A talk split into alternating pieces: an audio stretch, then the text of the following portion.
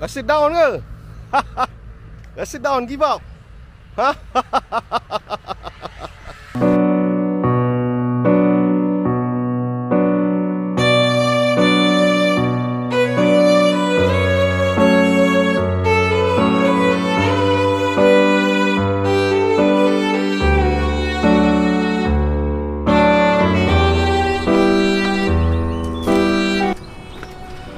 Kadang-kadang korang pun ada rasa kan Rasa macam Rasa down lah Rasa hari ni macam tak kena lah. Bulan ni macam ada macam-macam benda berlaku lah.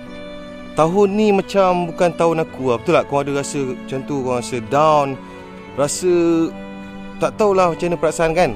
Ni normal guys Saya pun ada rasa macam tu. Cuma hari ni saya nak kongsikan kepada anda semua Macam mana saya counter perasaan ni Dan membuatkan saya kembali positif.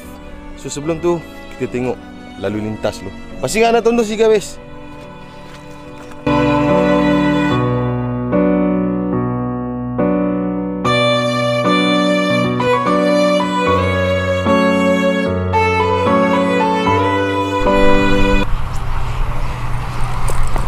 Okay guys.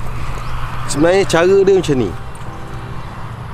Kadang-kadang kita tak perasan tau benda ni. Memang betul Dalam ada dalam setahun katakan setahun 365 hari. Okey?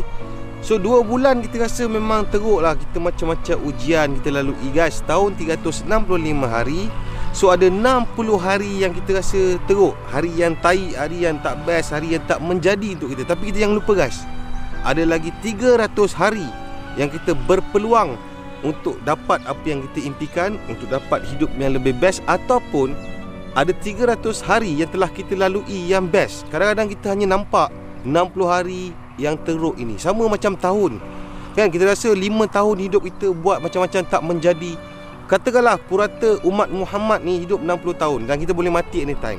Okay, 10 tahun kita rasa hidup kita tak menjadi. Tapi jangan give up guys. Kita ada 50 tahun lagi peluang. Kita ada 20 tahun, 30 tahun lagi kehidupan yang bakal best untuk kita ataupun 20-30 tahun dah kita dah pernah lalui hari-hari yang best.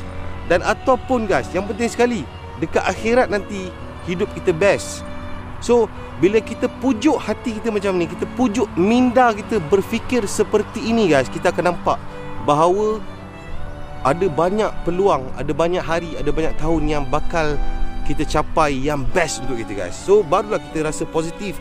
Baru kita boleh create benda baru okay So jangan lupa kongsikan video ni. Saya Azri Walter. Jangan give up. Jangan down guys. Ada hari yang best Untuk kita. What up